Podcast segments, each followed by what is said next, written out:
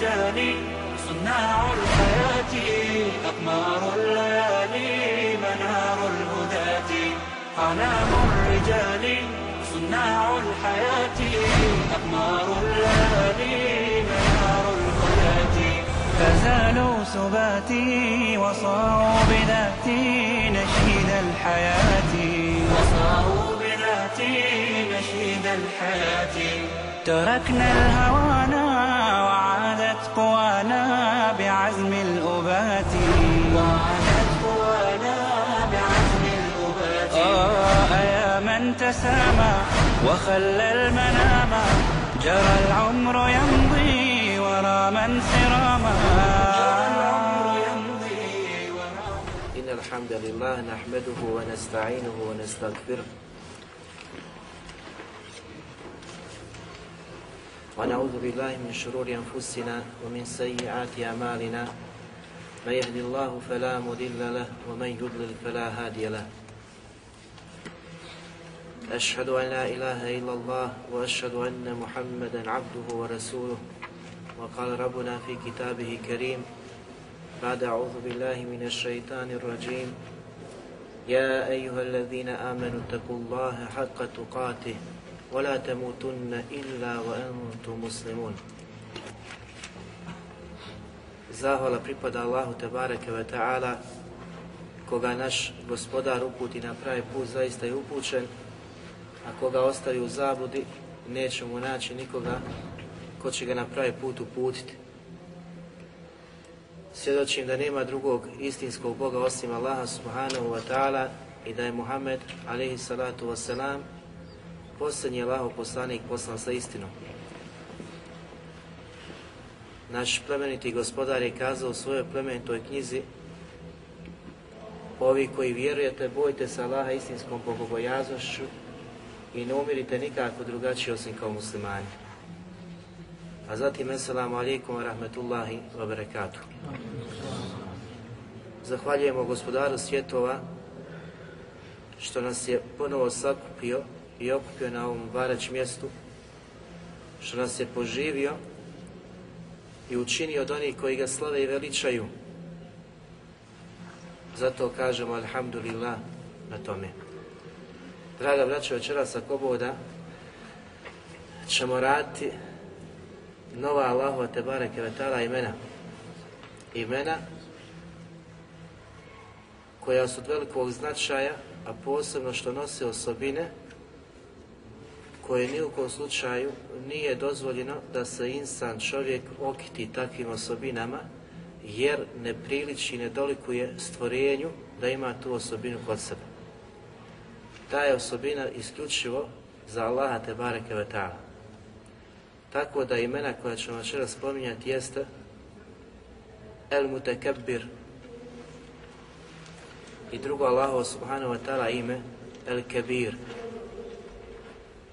sa ovim večerašnjim Allahom subhanahu wa ta'ala imenom El Mutekebir mi ćemo za Allahom subhanahu wa ta'ala pomoć uspjeti da završimo jedan kuranski ajet sa šerhom, pojašnjenjem, komentarom kako nismo mogućnosti da učinimo kroz bilo koji tefsir ako uzmemo. Jer posebno znači ajet sura el 23. ajet koji spominje određen broj Allahovi ili Tala imena završava se sa ovim večerašim imenom El Mutekabbir i nakon toga Allah subhanahu wa ta'ala završava riječima da je on taj koji se treba veličati i slaviti i da je čist od svega onoga što u mušici pripisuju. Zašto? Zato što onaj koji analizira i koji dođe do tih značenja Allahovi te bareke imena, uvidjet će e, zabudu mušrika, mnogobožaca i svi oni koji nisu na istini na pravom putu, kako su se odali da slijede ili strasti ili rašte i dole kipove, kamenje, drvijeće i slično. A zapostavili su gospodara svjetova. Tako da sama, izra, e, sama riječ u arapskom Kebure znači biti veliko. Kebure znači biti nešto veliko. Istekberehu u arapskom se kaže, a ima značenje smatrati nešto velikim ili primjećivati da je nešto izrazito veliko. Zato imamo u riječima Allaha subhanahu wa ta'ala kada govori o ženama koje su spotkarile, jel? s Jusufom, alaihi salatu wasalam, da gospodar kaže فَلَمَّا رَأَيْنَهُ A kada su ga ugledale, one su se zadivjele čemu? Njegovoj veliko izrazito ljepoti. Ekbernehu. Toliko se znači učinio velik u smislu te ljepote sa kojom je došao Jusuf među njih. Isto tako ima značenje kibrija, a kibrija nekada može značiti vlast, a u drugom smislu ono što je negativno je oholost. Da se čovjek uzoholi. I zato mi danas, jel, ovaj žargon koji smo pomiješali arapsko-bosanskim, kažemo kiburko. Jel? Ono danas što je prisutno među onim koji se drže vjere, da nazivaju onoga pri kome primijete te osobine, da kažu zoholio se, ima kibura kod sebe. I ta osobina, znači, ni u slučaju nije dozvoljena da se nađe kod vjernika. I vidjet ćemo, znači, večerašnje kompletno predavanje bit će na tu temu, u tom, u tom pravcu. Za vlast imamo dokaz u riječima gospodara svjetova gdje kaže paru na لِتَلْفِتَنَا أَمَّا وَجَدْنَا عَلَيْهِ آبَاءَنَا وَتَكُونَ لَكُمَ الْكِبْرِيَاءُ فِي الْأَرْضِ وَمَا نَحْنُ لَكُمَا بِمُؤْمِنِينَ Zar se kaže, došli da nas odvratite od onog puta što smo mi zatekli naše očeve da su na njemu, na toj stazi. Kaže, zar vi samo želite vlast, znači, to su šubhe bile, jel? Date ili usvene poslanicima, dajama, svi oni koji nose koji nose ovo breme sa kojim je došao Muhammed a.s. ili prijašnji poslanici sa čim su dolazili. Oni su mislili znači, da on kada poziva njih u din i u vjeru da će ih odvratiti od toga na čemu su zatekli svoje očeve, a u stvari da on u isto vrijeme želi vlast.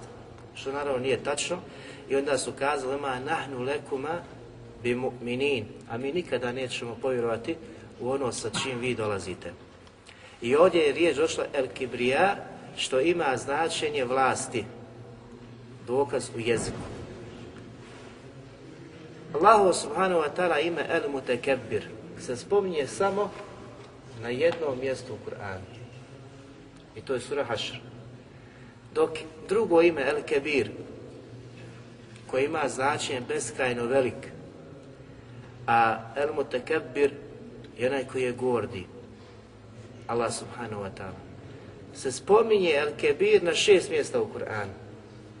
Znači, Al-Kebir se spominje na šest mjesta. Jedno od tih mjesta jeste gdje Allah te barek ta'ala kaže Alimul gajbi wa shahada Alimul gajbi wa shahada til kebirul muta'al On je taj koji poznaje vidljivi i nevidljivi svijet koji je uzvišeni i veliki.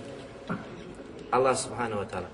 A na drugom mjestu Allah subhanahu wa ta'ala kaže ذَلِكَ بِيَنَّ اللَّهَ هُوَ الْحَقُّ To je zbog toga što je Allah subhanahu wa ta'ala prava istina. Zatim kaže وَأَنَّ مَا يَدْعُونَ مِنْ دُونِهِ هُوَ الْبَاطِلُ وَأَنَّ اللَّهَ هُوَ الْعَلِيُّ الْكَبِيرُ A ono što oni prizivaju i dozivaju sve to batil. Neispravno, ništa. Nije zaslužno se obožava, Pored koga? Pa Allah subhanahu wa ta'ala završava وَأَنَّ اللَّهَ A on je taj koji je uzvišen i velik. Subhanahu. Beskrajno velik. Ukazuje automatski da ono što oni obožavaju je neispravno. Ali onaj koji je da se obožava jeste koji je El Ali i koji je El Kebir. Koji je uzvišen za svi stvorenja i koji je znači najveći i takav je jedino zaslužan da se obožava i da mu se ibadet čini. Kada se odnosi značenje na Allaha subhanahu wa ta'ala, prvo smo kazali jezičkom značenju, ova imena imaju sljedeća značenja. Kad tada Rahimahullah je kazao, El Mutekebir, gordi, je onaj koji se uzdigao iznad svakog zla. Znači čisti od bilo čega što mu pripisuju zalimi. Zatim, Ibn Kesir Rahimahullah kaže, i ovo je jedno od značenja koja e, koje ću mi kazati možda da je i najispravnije da se prihvati. Kaže uzvišeni gordi, al mutekebir, je onaj koji je jedini uzvišen i kome moć dolikuje. Znači njemu takvom subhanahu wa ta'ala moć dolikuje. Pa kaže jedini čijem dostojanstvu gordost pristaje. Jedini, znači, čijem dostojanstvu gordost pristaje. Nema, znači, stvorenja da može biti opisan ovom osobinom. Jer niko nije dostojanstven. I nikome ne dolike ta gordost, poput gospodara svjetova, koji je uzvišen iznad svih stvari. Zatim sljedeće značenje El Hatabi Rahimullah kaže El Mutekebir je onaj koji je uzdignut iznad osobina stvorenja. Zato smo govorili da kide ehli sunata da je gospodar svjetova daleko svojim bićem, svojim zatom od stvorenja. Daleko. Znači uzdignut od stvorenja, nema nikakvog kontakta sa stvorenjima. Ali je svojim osobinama, poput sluha, vida, znanja prisutan i ništa mu ne promiče od bilo čega što radi njegova, njegova stvorenja. Imam bi Rahimahullah je kazao El Mutekebir je onaj koji se uzdigao svojim rububijetom stvaranjem i njemu subhanu wa ta'ala nema ništa slično. To je Mutekebir. A za El Kebir imam e, Taberi kaže El Kebir onaj koji je veliki koji je uzvišen ispod kojeg su sva stvorenja. Znači on El Kebir, koji je uzvišen, koji je iznad svih stvorenja, a ispod njega su sva, sva stvorenja. I nema, kaže, ništa što je veće od njega. Allah subhanahu wa ta'ala je najveći. Zato mi kada kažemo u namazu Allahu Akbar, svjedočimo nešto što je najveće. I zato ta svijest da nam je u srcima, koliko bi onda tek bili okićeni sa hušuom E, skrušenošću namazu. Da smo svjesni onoga što izgovaramo u riječima Allahu Akbar. Kada odpočnemo namaz. Tada bi to buzeo i strah. Jer si stao pred onoga koji je najveći.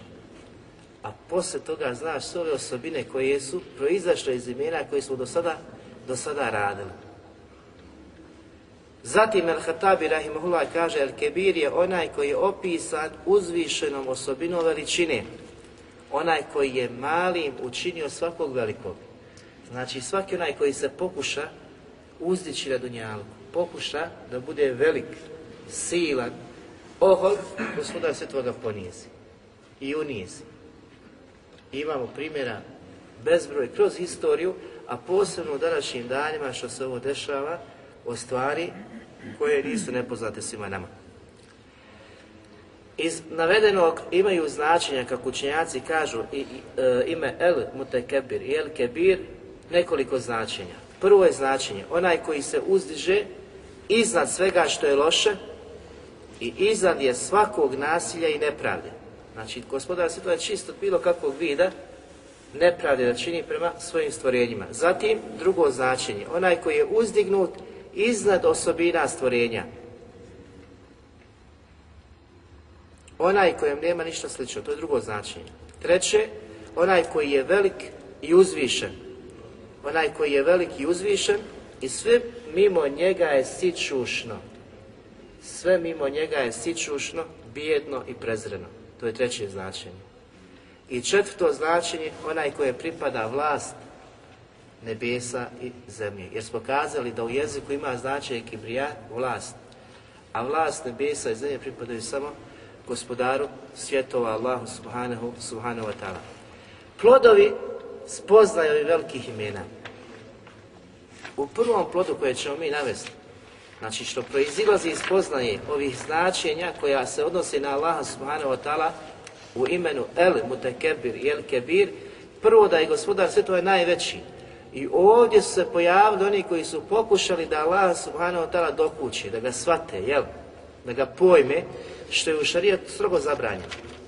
Ulaz u kakvoću gospodara svjetova. On koji je subhanahu wa ta'ala najveći i ništa nema poput njega, ništa mu nije slično, jer gospodar svjetova kaže وَلَا يُحِيتُونَ بِهِ ilma Ne mogu ga svojim znanjem obuhvatiti, jer su naši mozgovi ograničeni. I niko od nas nije u stanju da pojmi gospodara svjetova. Niko od nas nije u stanju da pokuša da zamisli kakav je gospodar u kakvoći. To niko nije u stanju, niti smije to da pomisli. Niti smije sebi dozvoliti da ulazi u kakvoću kako Allah te barek, kakvo mu je lice, kakva je ruka, kakvo je stopalo, ono što je on potvrdio subhanahu wa ta'ala u svojim ajetima, u svojoj knjizi i sunetu poslanika sa nama je zabranjen dolazimo ulazimo u kakvoću, ali potvrđujemo da to gospodar svjetova posjeduje, da on ima te osobine koje su savršene, ali niko ne poznaje te osobine osim on i one su onakve kakve dolikuju njegovom uzvišenom tebare Kvetala biću. Zašto? Zato što poslanik sallallahu alijih vseleme u više hadisa zabranjuje to. E, neki hadisi koje ćemo navesti su Hasan, jer je šeha Albani ocijenio Hasanom, poput hadisa gdje kaže poslanik sallallahu alijih tefekeru fi ala illa wala tefekeru fi Razmišljajte o Allahu i Tebare Kvetala veličini njegovoj moći, ali nikako nemojte razmišljati o Allahu njegovom biću. Nikako. Volate fekeru, to je zabrana, imperativ zabrane da je došlo, ne smiješ o tome, znači da razmišljaš kakav je Allah, kako je njegovo biće. Drugi, drugi hadis poslanika sallahu alijih vseleme gdje kaže fekeru fi halq, razmišljajte o stvorenjima, o onome što je gospodar svjetova stvorio, o tome razmišljajte. Pa kaže, velate fekeru fil halik, ali nemojte razmišljati o stvoritelju, nemojte razmišljati kakav je stvoritelj, kakve su njegove osobine, kakav je njegov bit, kakav je njegov zat. Pa kaže, fe innekum la takdirune kadre, jer vi niste u mogućnosti to da pojmite. Niko nije u mogućnosti to da pojmi, da to shvati, da to znači predstavi sebi. Zatim kaže poslanik sa selem, tefekeru fi halki la وَلَا تَفَكَّرُوا فِي اللَّهِ فَتُهْلِكُوا Razmišljajte o Allahovom stvaranju, o stvorenjima koje on subhanahu wa ta'ala stvorio, ali razmišljajte o Allahu, njegovom biću, fatuhliku, onaj koji sebi to dozvoli tako počne razmišljati kada je bit će upropašen, stradat će, fatuhliku. Poslanik sallallahu alihi wasallam kaže. Imamo druge hadise gdje kaže poslanik sallallahu alihi wasallam Ljudi neće prestati pitati o znanju sve dok ne budu kazali kakav je stvoritelj. Kakav je stvoritelj, odnosno ko je stvorio stvoritelj. Pa kada dođe to, kaže recite Amen tu billah, reci ja vjerujem u Allaha te bareke U drugom, kad tražite zaštitu, rivajetu, tražite zaštitu od Allaha od takvih misli i kaže to ostavite. Znači čovjek će biti iskušan takvim stvarima, znači dolaziti ve sve sa šeitana, jer to nije tvoja želja, ti ne želiš. Ti sediš sunet poslanika sallahu alijih wasallam, ali je šeitan tvoj otvoren neprijatelj koji želi da te zavede i da ti ubaci ve se, pa će ti ih ubacivati sve dok ne dođe sa pitanjem dobro, gospodar je sve stvorio, a ko je stvorio gospodara? Neuzubilo. Ti u tom trenutku govoriš što ti je poslanik sam sam rekao, reci amen tu billah, ja vjerujem u Allaha subhanahu wa ta'ala sa svim onim što je o, spustio, objavio svojim poslanicima, sve što je kazao u svojoj promjenitoj knjizi, u sve to čvrsto vjerujem. Tako da šeitan posle toga nema više, nema više mogućnosti da djeluje na tebe. U drugoj rivajcu da traži zaštitu od gospodara, da kažeš Allahu dragi utječem ti se od prokletog šeitana. Tako da gospodar svjetova će uslišati, zaštiti i šeitan će od tebe da pobjegne. I naravno, znači ovo sigurno da se je nekima i dešavalo, ali na ovakav način mi ostanjemo od toga. Međutim, šta se desilo sa pojedinim osobama koje su pokušale da pojme gospodara svjetova? Mi znamo da filozofi jel, opisuju gospodara sa osobinama koje nikako ne doliku i ne priliče gospodaru svjetova. Znači, ne doliku mi spominjemo to. Ali međutim, oni su ti koji su najviše pokušali da opišu gospodara svjetova. Zatim imamo i kršćane koji isto tako opisuju gospodara subhanahu wa ta'ala da je znači u liku Isa što nikako znači nije u redu niti može čovjek to sebi dozvoliti da pojmi da ovaj gospodar koji je uzvišen veličanstven, pogledaj tih imena i tih osobina koje ima, da on u jednom trenutku napusti to, znači plemenito visoko mjesto koje je iznad Darša, iznad svega toga, pa da uđe u utrobu majke, jel, da bude jedan period, zatim izađe iz utrobe majke, pa živi kao beba, nakon toga raste, raste, raste, pa onda postane čovjek, pa nakon toga znači da kaže meni se objavljuje nešto slično toga, pa kaže da je on ili Bog ili Sin Boži, ne bila. Znači ništa od toga ne može biti prihvatljivo, Allahu te bareke to ne dolikuje on je daleko, znači, daleko od onoga što oni su pripisuju od ovih manjkavih osobina. Onaj koji je najbolje shvatio uh, Allaha tebare Vetala je svakako Muhammed Ali Salatu Wasalam. I zato je poslanik sallallahu alihi wasallam na puno mjesta pojasnio osobine gospodara svjetova. Pojasnio je imena gospodara svjetova. A u Kur'anu kada čitamo, gotovo svaki ajet ukazuje na Allaha Tebare Kvetala. Znači svaki ajet ukazuje kako nekada ajeti ti ukazuju na stvaranje, na djela gospodara svjetova. Kako je stvorio to, kako je stvorio to. Nekada ajeti ukazuju na određena imena Allaha subhanahu wa ta'ala iz koji proizilaze ova savršena e, svojstva koja mi spominjemo, tako da gotovo nema ajeta, a da u njemu gospodar svjetova ne opisuje sebe, znači svoju moć u stvaranju ili opisuje sebe svojim imenom, jednim od znači lijepih imena i savršenih osobina koje njemu te bareke vetala pripadaju. Drugi plus poznaje ovih večerašnjih imena koje spominjemo jeste da osobina gordosti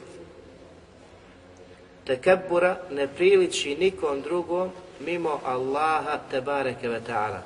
Znači ne priliči ne dolike da bilo ko se opiše tom osobinom. Zašto? Zato što gospodar svjetova i posjedje tu osobinu uzdignutosti.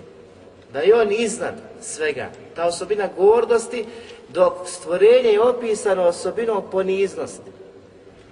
Da je skrušeno, strahopoštovanje da je pri njemu.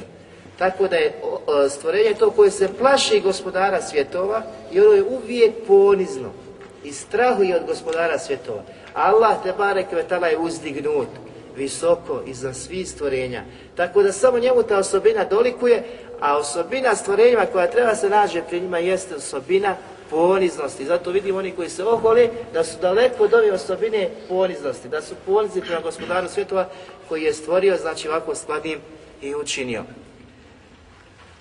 Allah subhanahu wa ta'ala opisuje i prijeti svim oholnicima, koji su krenuli takvim putem da su glave okrenuli od Allaha te i nemaju pri sebi ove osobine poniznosti, strahopoštovanja od Allaha te Kvetala. Pa kaže فَلْيَوْمَ تُجْزَوْنَ HUNI BIMA KUNTUM testek BIRUN Danas ćete biti kaženi strahovitom kaznom zbog čega? Bima kuntum birun zbog toga što ste se oholo ponašali na dunjalku. Allah te barek vatala će kada kaziti na sudnjem danu svakog oholnika i nađiju tom takvom žestokom sramnom kaznom koja je pripremljena samo za njih. I vidjet ćemo u nastavku predavanja kako je posebna kazna samo za tu vrstu ljudi. Da nije slična e, E, neka druga vrsta kažnjavanja stvorenja poput kako će biti kažnjavanje oholnika i silnika. Zatim kaže gospodar svjetova Bima kuntum stekbirune fil ardi bi gajri ve bima kuntum Zbog toga što ste se uzdizali i oholili na zemlji bez prava. Niste imali pravo na to. I zbog toga što ste radili razvratne stvari, što, što ste činili znači velike grijehe, Zbog toga će vas gospodar svjetova kazniti na sudnjem danu. Zatim nastavlja u drugom ajetu Elejse fi džehenneme lili A zar nije to džehennemsko prebivalište pripremljeno i učinom mjestom za svakog mutekebira oholnika na dunjavu? da je džehennem pripremljen samo za njih. Gospodar svjetova kaže u ovom kuranskom ajetu. Za oholnike. Zatim gospodar svjetova prijeti svakom onome koji okreće glavu od istine. I onaj koji glavu okreće od istine, isti je, znači spada u ovaj propis da se uzdiže iznad propisa gospodara svjetova, da se oholo ponaša, ne želi znači da prihvati istinu, pa kaže gospodar svjetova, innehum kanu, iza qila lehum, la ilaha illa Oni opisuje stanje njihova na Dunjaluku, oni su bili takvi kada im kažeš reci La ilaha illallah Allah je jedini taj koji treba se obožavamo se robuje badećini Šta su radili? Jestek birun Uzdizali su se, oholo se ponašali, okretali su glavu te istine i ti riječi To je opis oholnika na Dunjaluku kako će okončati na ahiretu. Zatim gospodar svetova dalje na drugom mjestu pojaša kako su odbili tevhid, vjerovanje, i gospodara svjetova. Odbili su sve. Uopšte nisu htjeli da slušaju kada im se ajeti gospodara svjetova kazuju. Pa kaže gospodar svjetova, Eferem kun ajati tutla alejkum festek wa kuntum kaumem mujrimin. Na sudnjem dan će im se kazati, zar vam se nisu moji ili naši ajeti kazivali? Na Dunjaluku, koliko danas ljudi poziva druge koliko je poslanik sallallahu alihi wasallam pozivao Kurešije i sve druge mušrike koji su bili u tom vremenu, pa su preselili na tome na čemu su preselili, nisu prihvatili. Allah Đelešan će kazati takvim na sudnjem danu. Zar nisu naši ajeti bili kazivani dok ste bili na Dunjaluku, ali ste festekbertum. Vi ste se uzdizali iznad toga. Oholo se ponašali. Niste htjeli da primite to. I bili ste narod koji nepravdu čini, svaku vrstu, znači zla čini na dunjalu. Ne želi istinu. Kazuješ mu istinu, pozivaš ga istini, ali on bježi od istine. Glavu okreće. Gospodar sve i opisuje. I na sudje dano će im isto tako predočiti to što se dešavalo i njihovo stanje, kakvi su bili kada im istina, kada im istina dolazi. I ne samo to, opisuje stanje oni koji su se ismijavali sa nosiocima istine. A onaj koji se ismijava sa nosiocima istine, isto tako spada u ovaj propis. Da ima on takav ohol i na dunjalku. Allah te barek kaže Kalu laka kaže, povjerovati, povjerovati u tebe, a slijedite najniži svoj ljudi, najsiromašniji, to su govorili poslaniku sallallahu alihi wasallam. Šta danas ljudi govore? Ovo je propis, znači zar da te slijedimo, zar da te se odazovemo, zar da prihvatimo to na čemu se ti, zar da budemo u tom džematu muslimana, a vidimo da je to i skupini samo ono siromaštvo, jel? Niko nema nikakvog položaja u društvu. Ovo su govorili prijašnjim poslanicima. I Nuhu, ali i Svima su to govorili. Zato što je osobina da oni koji najviše slijede poslanike su ljudi iz ovog niskog, znači staleža ljudi. Siromašni. Nisu se, jel, zanijeli u dunjaluku i tom i metku. Zato što znači vrlo malo bogati da slijedi, jel, istinu. Danas je, hvala Allah, otvoren, otvorio se dunjaluk posebno, znači u, u muslimanskim, islamskim državama tamo, pa imamo, hvala Allahu, i bogati ljudi koji slijede i pomažu davu istinu. Međutim, kada se pogleda zaista u svijetu koliko muslimana ima i ko slijedi istinu, nađe to nisu ljudi koji imaju neke visoke položaje u društvu, da imaju puno para i mjetka. I zato ove to spriječava da budu u takvim skupinama, takvim džematima, da prihvate istinu upravo iz tog razloga. Oni hoće, znači, da bude nešto, jel, poput njih, pa da to prihvate. Šta ih je spriječilo da prihvate istinu, ništa drugo osim njihova oholost koju su imali pri sebi. I zato je to opasna stvar da je čovjek ima, da čovjek ima kod sebe.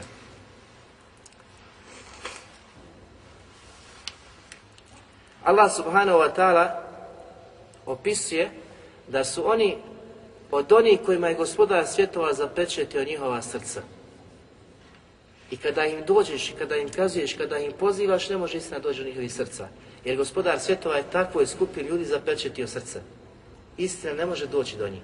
Kaže gospodar svjetova, كَذَلِكَ يَتْبَعُ Allahu ala كُلِّ قَلْبِ مُتَكَبِّرٍ جَبَّارٍ I Allah je zapečetio srce svakom mutekebbiru, oholniku i silniku džabaru. Istina ne može doći do takvog srca. Koliko god da se trudiš, na nama nije znači da kažemo, eh, on je takav, nećemo više, znamo da on ne može prihvatiti istinu ili da kažemo za prečinu. Mi ne znamo, Allah zna kome je Na nama je da mi dostavimo, da se trudno dostavimo, ali istina koliko god se ti trudio tako, kod takvih ljudi i takvih osoba ne može doći, niti on može znači prihvatiti to što ti želiš. Treći pros poznava dva velika imena jeste da Danas kada pogledamo e, dunjalučke vladare, kraljeve, bilo koju državnika, vrlo, vrlo malo njih možemo kazati i može na prste izbrojati jedne ruke da nemaju ovu osobinu kod sebe. Znači, gotovo svaki od vladara ima ovu osobinu, znači da se uzdiže iznad stvorenja, iznad stvorenja. I vrlo mali broj je sačuvan te osobine. A u javnosti danas kakve jesu informacije dostupne svima možemo da, o, ovaj, da lahko primijetimo. Ne treba ti neko da ti kaže bio sam pored njega pa sam uvidio da je takav. Znači danas u sve, sve vidiš ono jel, u 10 minuta ko je, ko je kakav. Lijek za ovakvu osobinu, znači čovjek može nekada biti takav, ali uvijek postoji lijek da se čovjek popravi, da se vrati. Osobina ti ta može znači, savladati, ali ti kada se sjetiš gospodara svjetova, njegove veličini i zaista e, spoznaš kroz ova velika imena gospodara svjetova, da je on najveći, da njemu samo to dolikuje, ti će se ahi, znači toliko e, sičušnim smatrati da nije sebi dozvoliti da budeš opisan takvim osobinama. Drugim riječima, čovjek kada shvati rečenicu koju izgovara La hawla wa la illa billah da je samo shvatiš njeno značenje, ona bi ti bilo dovoljna kao onaj koji ti upućuje, ukazuje, usmjerava. Da nema istinske snage i nema istinske moći osim kod Allaha te bare kvetana. Osim da je on opisan tim. Znači koliko god da vidiš da posjediš neku snagu, u su, ah, gospoda sve je jači, snažni, veći. I to što posjediš to je od njegove dobrote prema tebi što ti je ukazao to što ti je podario. A kad si takav, s takvom svijesti, znači znati kako to koristi, kako to usmjeravati. Mi smo kazali da je snažan vjernik daleko bolji i draži Allahu od onog koji je slabiji vjernik. Ali u dvojici je hajr, a kako tu snagu iskoristiti? Kad je trebaš upotrijebiti? Kada se uzdigneš? Kada osjetiš da si ponosan? I kad je to dozvoljeno, a kad kad je zabranjeno. Znači, kad je taj ponos dozvoljen da ga ti pokažeš i iskažeš pred, pred drugima. Allah Đelešanu navodi jedan primjer onoga koji posjeduje vlast, a to je čovjek u svojoj kući. Čovjek u svojoj kući on zaista posjeduje pravu vlast. On je sultan, snaga, pravi domaćin, je muškarac u kući. I on je taj koji odgovara i za sebe, i za ženu, i za djecu. I Allah navodi takav primjer jedan koji posjedi tu vlast, međutim kada prekorači svoje ovlasti, ukazuje i upućuje da je on gospodar iznad, iznad takve snage. Pa kaže gospodar svjetova, وَلَاتِ تَخَافُونَ نُشُوزَهُنَّ فَعِذُهُنَّ وَحْجُرُهُنَّ فِي الْمَدَاجِ Buhun. Kaže gospodar svjetova, a kada se budete plašili od žena, jel, od nekih žena, da će neposlušne biti. Kada osjetite to da su neposlušne, onda ih vi posavjetujte. Na lijep način. Ako ne to odbiju i ne poslušaju, kaže nakon toga, vi ostavite ih u postelji. Počnite ih izbjegavati u postelji. Nemojte im se približavati. Ako ni to ne urodi plodom, Kaže gospodar svjetova, tek nakon toga možete i blago udariti. Znači tri situacije, ako žena je neposlušna mužu, kako to da izliječi? Gospodar svjetova ukazuje i pojašnjava u te metode. Ako to sve ne uspije, pa kaže gospodar svjetova فَإِنْ فَلَا تَبْغُوا عَلَيْهِنَّ سَبِيلًا Ako vam se one, ako vas poslušaju, i popravi se, nemojte tada nepravdu da im činite. Nemojte tada da prelazite granicu ovlasti koju je gospodar svjetova dao i omogućio.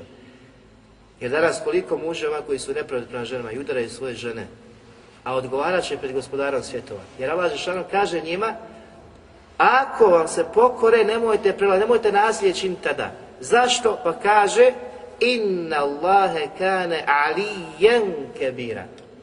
Zato što je Allah uzvišen i velik. Što znači?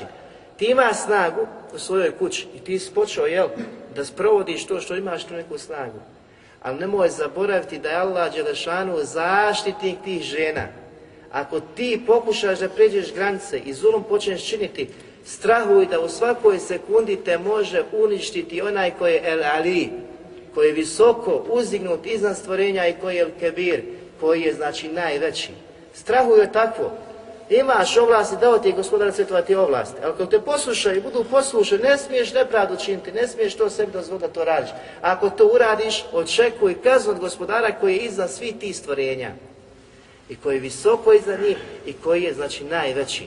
Pa zato znači, kad čovjek razmisli o ovim završecima, kako ajeti završavaju s određenim Allahom i tada imenima, tek tada vidi hikmet i mudrost gospodara svjetova kada pojašnjava propise, pa te iste propise završava sa određenim onako kako treba imenima koje baš dolikuju priliče da se takvi završeci dešavaju u određenim ajetima. Zatim četvrti plod jeste da ova oholost spriječava čovjeka da napreduje u znanju. Koliko smo mi danas svjedoci? da upravo znači ova oholo sprječava čovjeka da dođe do zdanja. Zašto? On ne želi da pristupuje halkama kod šehova, kad kažemo še mislimo na velike šehova, kad kažemo daje, na vajze, bilo gdje ko vazi, ko priča, znači poziva laute, te bare kvetana, ako ima slobodno gledanje, idi, slušaj, poslušaj, vidi šta priča. Međutim, oholost je ta koja sprečava ljude da slušaju i da uče. Jer je njemu, znači, e, njemu smeta da dođe da sjedne. To mu je poniženje da sjedim da on sluša. I šta to prouzrokuje? Prouzrokuje da ostane neznalica. Da ostane neznalica. A s druge strane dolazi druga opasnost. Otvaraju se mnoge rasprave, posebno danas u današnje vremenu. Pa ćeš uvidjeti da takvi najviše raspravljaju. I najviše priča o Allahove vjeri. I kako ispadne da priča o Allahove vjeri bez znanja. A kad čovjek priča bez znanja, to je jedan najveći grijeh koje može čovjek učiniti. Da priča o Allahovoj vjeri bez znanja. A kad se to desi, onda može očekivati od Allaha te bareke ve taala propast. Allah subhanahu wa ta'ala kaže za takve: وَمِنَ النَّاسِ مَنْ man فِي اللَّهِ بِغَيْرِ ilm." Opisuje gospodar takvu situaciju. Zaista kaže postoje osobe i ljudi koji raspravljaju o Allahu bez bez znanja. Olako se upušta u raspravu olako počne da priča i ovo je halal i ovo je haram. Znači, po svom nahođenju, po svom shvatanju, on priča, a da pritom znači ne posjeduje znanje koje je osnova prvu raspravu u svakom pogledu nije znači niti pohvalna i treba izbjegavati u svakom pogledu kad ti ima neko znanje. Ali ako dođe do te neke rasprave, imaš širijansko znanje, onda traže Allahovo zadovoljstvo, bude istina tu koja je glavni cilj te rasprave a ne da pričaš, da raspravljaš ako ne ja znam. Pa kaže gospodar svjetova, vada hudem, vada kitabim. I niti ima uputu o tome što priča. Nema uopšte upute. Nema, ne za niti ima knjigu koja upućuje i prema kojoj znači presuđuje. Nema ajeta, nema hadisa, nema upute, nema vještine, E, nema mudrosti, nema ništa što treba da bude općena osoba sa takvim prelijepim osobinama kada raspravlja i kada druge poziva tome. Suprotno znači ima neznanje koje će ga odvesti još u veću propast i njega, a i sve one koji slušaju i koji mogu pogrešno zaključiti na kraju. Zašto? Zato što ga je osobina oholosti spriječila da posjećuje halke u kojima se uči Allahova te bareke vetala vjera, gdje on oskače, znači malo pomalo, kupi to znanje i postaje sve znanje i znanje i znanje, tako da poslije toga kada ima znanje, on može da uvidi šta je fula, šta je loše, šta nije u redu i da kaže na osnovu dokaza, znači kako i na koji način treba biti ispravno. Veliki učenjaci, veliki e, selef je korio takve postupke. Nisu bili zadovoljni da se nađu kod učenika, kod taliba, oni koji uče i slušaju od njih, da imaju takve osobine. Pogledajte jedan primjer. Ibrahim Nešas Rahimahullah je kazao, jedne prilike, kaže, pitao sam Fudejla ibn Ijada, Rahimahullah, o poniznosti. Šta je poniznost? Mi danas treba da učimo tu poniznost, mi treba da učimo šta je skrušenost, mi treba da učimo šta je takvaluk, mi treba da učimo šta je iman. Jer to je prva stvar koju izgrađuješ ko sebe, izgrađuješ svoje srce čisti svoje srce. Kad je ono zdravo, bit će ti i tvoj jezik čist. Biće on zdrav. Mnogo će spominjati gospodara. Nakon toga je tvoja djela koja u svakodnevnom životu imaš i susreće se sa braćom i ostalim, uvidjet će da si ti plemenit. Jer tvoja djela, tvoji postupci svjedoče da je tvoje srce dobro. A tvoja djela ako nisu u redu, nisu u skladu sa Kur'anom i sunatom, svjedoče da tvoje srce nije u redu. Da ga nisi pročistio i očistio ti loši osobina. Pa kaže, upitao sam ga o poniznosti. Šta je poniznost? Pa kaže da budeš ponizan znači da budeš podložan istini, da je prihvatiš od bilo koga da ti dolazi, pa makar ti došla od najvećeg neznalice. Od najvećeg neznalice da prihvatiš to. To je poniznost. A šta ovu skupinu sprečava o kojoj mi govorimo? Sprečava i oholost da dođu, jer nisu ponizni Nemaju te poniznosti. Kada je u pitanju, zove, moraš biti ponizan, moraš je kupiti gdje god da ga nađeš. Pa kaže, ponizno se da budeš takvo podložno, da budeš ta osoba koja će prihvatiti savjet, uputu, znanje od bilo koga, bilo je makar dolaze od najveće neznalice. Da to prihvatiš. Ako je istina, Ebu Hurere od koga je prihvatio savjet? Od koga je Ebu Hurere prihvatio savjet? za zaštitu toku noći. Ima većeg neprijatelja. Ima većeg neprijatelja. On je to prihvatio. Jer poslanik mu je potvrdio istinu ti je rekao iako je on kezab, iako je on znači onaj koji laže, koji mnogo laže, ali ti je u tom trenutku istinu kazao. Pa šta je s ostalim ljudima, znači koji ti priča i koji ti kazuje, nemoj brate to nego ovako rad, ma kakav on bio. Ali ako je istina to što ti kaže, Prihvati Habibi, nemoj da je odbijaš, jer ako odbiješ onda to nije u redu. Nešto je u tebi što odbija, ne prihvaća istinu. A kad kaže ne prihvaća istinu, vidjet ćemo kako Ibnu Kajim pojašava takvu kategoriju, takvu kategoriju ljudi. Zatim Said ibn Đubej Rahimahullah je kazao Neće čovjek prestati biti učen sve dok izučava i traga za znanjem. Neće prestati biti učen. Što znači čita život učiš. Do smrti učiš nikad, znači neće stati kada, e sad sam ja učen. Zašto? Zato što on kaže, a kada ostavi učenje i pomisli da se je usavršio i da je prikupio dovoljno znanja, kad nema većeg nezalica od njega. Koliko god da učiš, a nekada su govorili ljudi kad učim 23 sata dnevno, 18 sati učim, čitam, čitam, 18 sati, želi znači da ono, da dokaže kako je on vrijedan, koliko god da učiš, ništa nisi naučio. Koliko god da znaš, kazali smo onaj primjer, jel? Musa i Hidreka su bili na novčancu, pa došla vrana pomoćna svog kljun u more. Pa kada znaš ti kakav je to primjer, primjer našeg znanja i Allahovog znanja, poput onoga što je ona umočila, što je ostalo na kljunu, zato je ono more znanja koje je ostalo gospodara svjetova. A što je nama kljunu? Ništa nije ostalo. A ko je bio Hidr? koliko je stvari podučio Musa. Ko je bio Musa, ali sam jedan da najodabranijih Allaha i poslanika. Znači se tog znanja kojeg su oni imali. A šta mi danas imamo? I onda se pokušavaš da oholiš. I vidjet ćemo jednu od kategorija, oni koji imaju znanja, uznižu se iznad drugih, koliko je to opasno. Mujahid Rahimahullah je kazao, nikada neće naučiti onaj koji se stidi i onaj koji se oholi. Ta dvojica nikada u životu neće naučiti. Što, sprečava ga stid da dođe da uči, sprečava ga stid da pita, da bilo koga prozove, nazove, na bilo koji način da dođe da informacija, stidi se da... Zašto? Zato što misli ako ga pita, otkriće koliko ne zna. A u stvari ne zna kolika je opasnost da ostane takav kakav jest u neznanju. Bolje je pitati bibi i da pokažeš koliko ne znaš, da uradiš postupak saznanja nego da radiš nešto u neznanju, a misliš da je da je ispravna. U stvari dođeš pred gospodara svjetova sutredan i staneš i počneš ugovarati za svoja djela pa ćeš kaj ja sam radio po svojom nahođenju. A imao si puno osoba koji su bili blizu tebi da ih kontaktiraš, da ih pitaš o toj meseli, tom pitanju, a ti nisu radio. Nek si ti nešto pokušao, jel, da čekate dođe sa neba, da ti padne to znanje, da kažeš ja sam znam. Znanje tako ne dolazi, tako znanje ne dolazi. Znanje moraš odlaziti, znanje moraš tražiti, šitavati, učiti, truditi se pitati.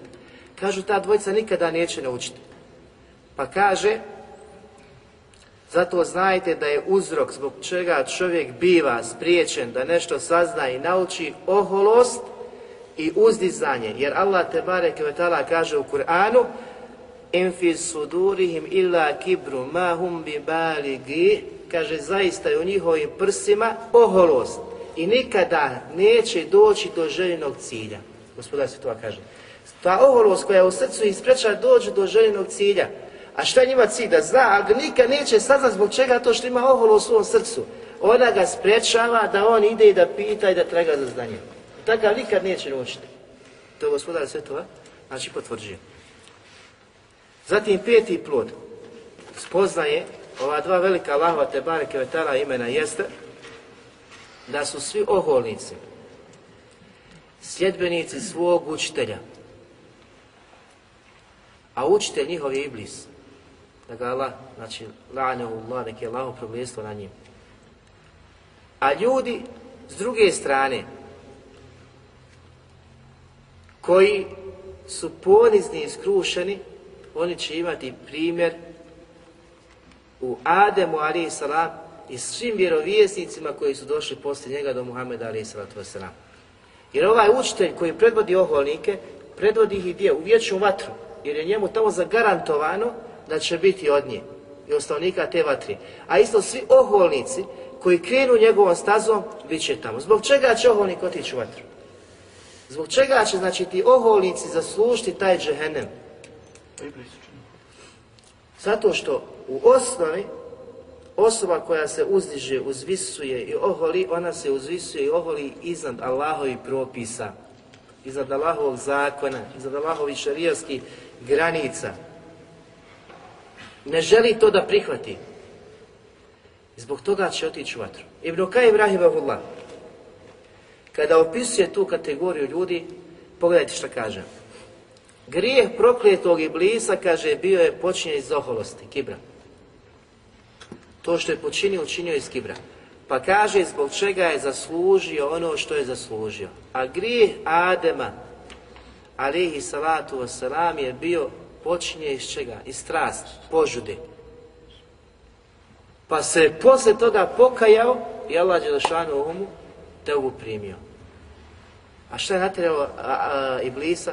Nikad se nije pokajao. Nikad se nije pokajao. Čak kaže, on je svoj grijeh pokušao da opravda Allahovom odredbom. Jel?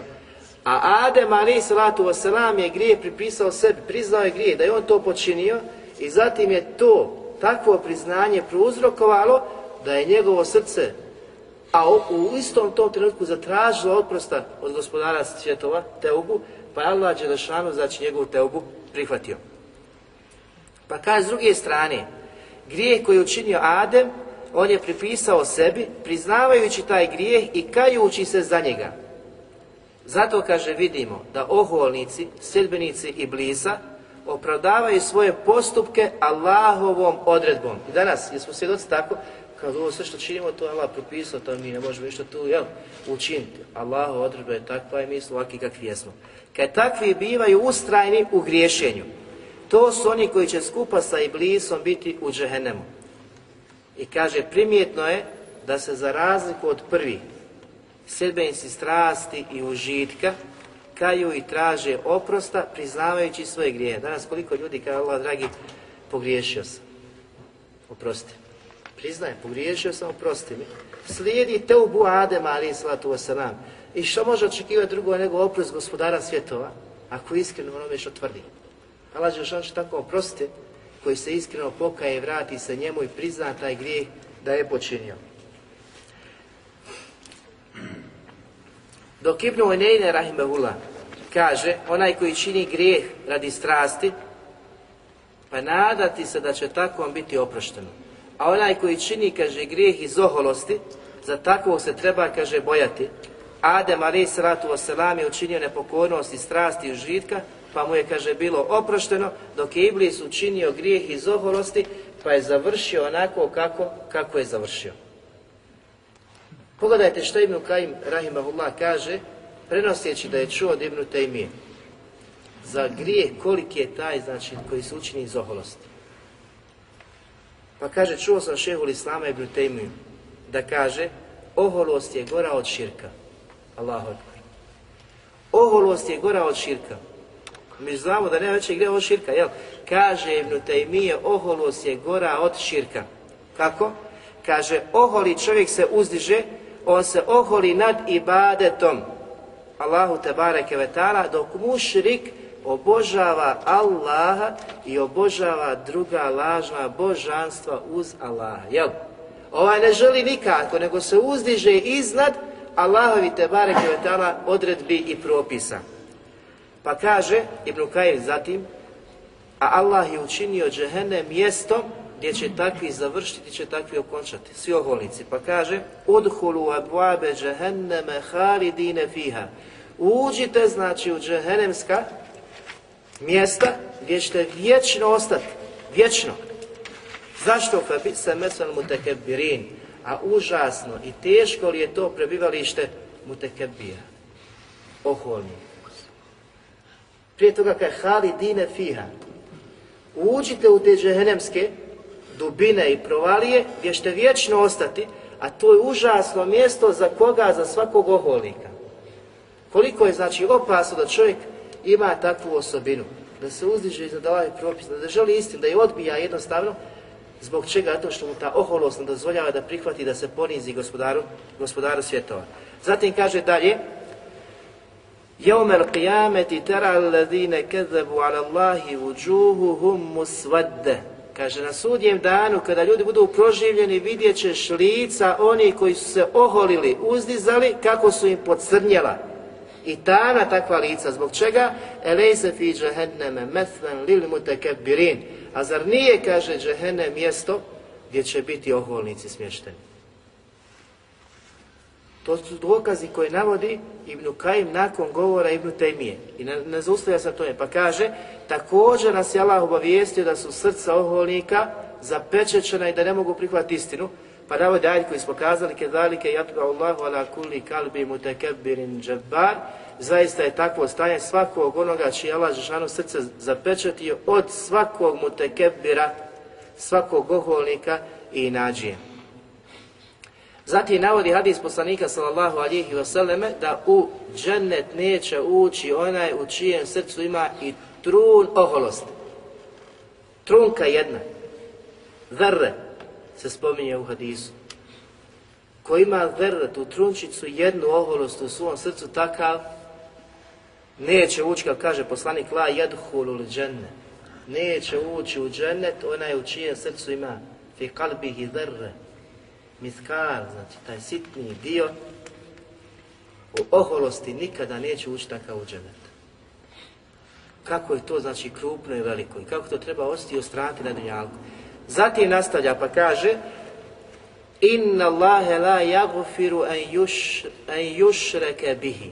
Allah Žešanu neće oprostiti da mu se širk čini, jel? Pa kaže, poslije toga ovo ukazuje na činjenicu da Allah neće oprosti ni oholost, kibr. Ovaj dokaz, znači da Allah neće oprosti širk da mu začini, kaže, ukazuje da Allah Đelešanu neće oprosti da, znači, oholost koju čovjek ima kod sebe. Kaže, koja je veći grijeh od širka. Onaj koji se ponizi radi Allaha takav ili takvog će Allah uzdići, a onaj koji se uzoholi nad Allahom i njegovim, kaže, propisima, takvog će Allah dželevala poniziti. Jer se ovaj, znači drugi oholi i uzdiže iznad Allahovog te bareke vetala obožavanje, dok mušik obožava i Allaha, kako smo kazali, i obožava, znači, pored njega druga lažna božanstva. I ovaj, znači, daleko gori od mušnika I ima isto, znači, e, isti hukm, isti propis poput ovoga koji će biti vječno, vječno u vatri. Pogledajte primjer u hadisu poslanika sallahu alihi veseleme koji nam prenosi znači, događaj od Seleb ibn Akva radijallahu anhu gdje kaže da jedne prilike jedan čovjek jeo s poslanikom sallahu alihi veseleme ali u tom trenutku jeo lijevom rukom. Pa mu kaže poslanik sallallahu alihi veseleme ostavi znači lijevom rukom, jedi desnom rukom, kaže ne mogu, lajastati, ne mogu. Kaže poslanik ne mogu. U ovom rivaju se navodi, kaže, ništa ga drugo nije spriječilo da posluša poslanika sallahu alijih wasallam osim oholost koju imao pri sebi. Kad je čitav život nije mogao podići desnom rukom zalogaj usta. Dova poslanika sallallahu alijih wasallam se uslišala. Šta ga je spriječilo da uzme da jede desnom rukom? Ta oholost koju ima u srcu. Pogledajte šta je prouzrokovao. Da je poslanik sallallahu proučio dovu, a dova poslanika sallallahu alijih vasallam se prima. I čitav život je ostao u takvom stanju da nikada nije posle toga ili nakon toga mogao jesti desnom, desnom rukom.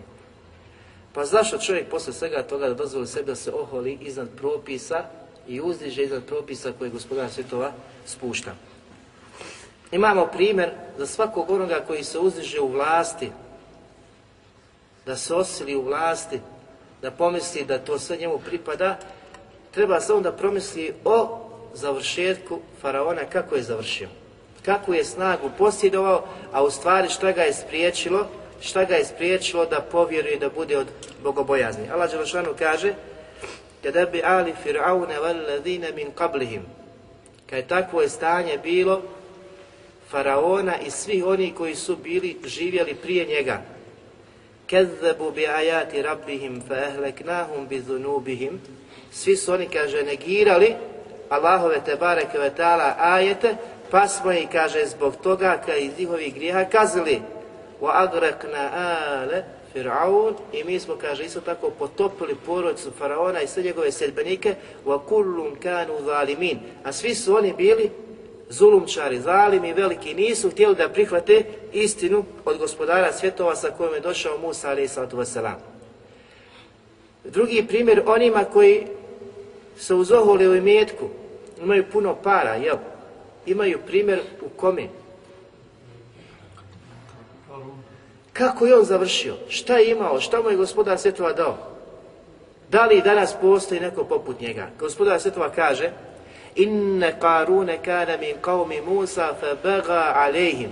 Zaista je Karun bio od naroda Musa ali svatu wasalam, a zatim je počeo da ih ponižava, tlači, taj isti narod koji je znači bio od naroda Musa ali svatu wasalam.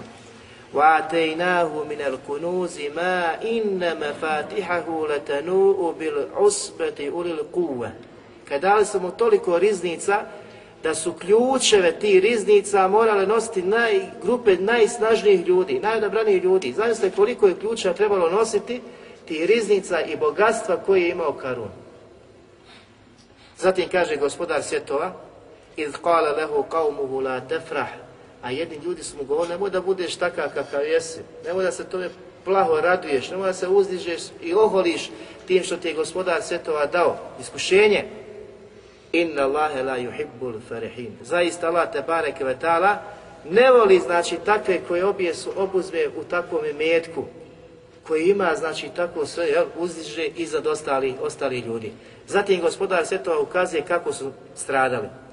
فَحَسَفْنَا بِهِ وَبِدَارِهِ الْأَرْضَ فَمَا كَانَ لَهُ مِنْ فِيَةٍ يَنْسُرُونَ Kaže, njega smo i njegovu kuću, njegovu palaču i sve što je bilo u njoj u zemlju protjerali, i kaže, nije bilo skupine fi tada u tom trenutku da ga je mogla spasiti Allahove kazne. Zatim kaže gospodar min dunila svih oni koji su pored Allah da ga mogu spasiti nisu bili u mogućnosti. I završava mema kane minel muntasirin niti je mogao sam sebi pomoći. Znači koliko je se smatrao velikim kad je Allahova odredba došla i kada je bio protjeran u zemlju, nije mogao se spasti on, ni sva ona moć koju je imao, niti vojska, bilo što, znači što je bilo okolo njega, da je mogao da mu pritekne u poč, kada Allah Đelešanu odredi. Tako da je primjer svakom onome koji ima imetak, a daleko je da Allah te barek zaboravlja na pravo gospodara svjetova, na pravo poslanika i vjernika, sve ono što Islam uči, ako zaboravi i zapostavi, neka uzme pouku iz puranskih kazivanja o narodima koji su bili prije nas. Zatim treći primjer jeste da onaj koji ili koji je Allah te barek podario određeno znanje. Ne smije da se ohovi, ne smije da se uzdiže za drugih ljudi, ne smije da se uzdiže za ljudi koji nemaju znanja. Ovo se ne odnosi samo na učenje, da kažem učenjaci. Oni spadaju tu. I daje spadaju, i vajzi spadaju, svi mi spadamo. Ali običan čovjek ovdje potpada. Onaj koji danas, znači danas svi mi širimo davu i sa familijama, porodcama, na ulici, na pijaci, gdje god, znači to je obaveza svakog usmana da poziva druge. Nemoj da se uzdižeš, Habibi. Nemoj da se uzdižeš, da se smatraš da si ti nešto posebno velik, jer ti je Allah Žešanu podario par hadisa i par ajeta koje si naučio. I da si svo znanje pokupio. I da si pokupio svo znanje. Nemoj sebi to dozvoliti. Jer pogledajte šta ima Zehebi kaže po pitanju takvi. Kaže, Najgora vrsta oholosti, najgora vrsta oholosti je ona kada se pojedinac oholi i uzdiže nad robovima svojim znanjem. Što kažem na početku, najgora vrsta oholosti je ona kada se pojedinac oholi i uzdiže nad robovima svojim znanjem koje je stekao. Smatrajući se velikim, kaže, ovakvom ne koristi znanje koje je stekao, Onaj ko bude tražio znanje radi Allaha i radi Ahireta, pa tako on će se znanje povećati i njegovo stravopoštovanje u srcu. Znači to znanje kada ti učiš i kada prikupljaš, ono prouzrokuje stravopoštovanje u tvojom srcu, a ne oholost. Zatim kaže nakon toga, on će osjeti smiraju duši. Stalno će se samobročunavati i bit će ustraja na putu istine. Onaj ko bude tražio znanje kako bi se uzdigao iza drugi ili radi položaja i ugleda, a koliko danas fakulteta se završava kako bi se došlo do funkcija.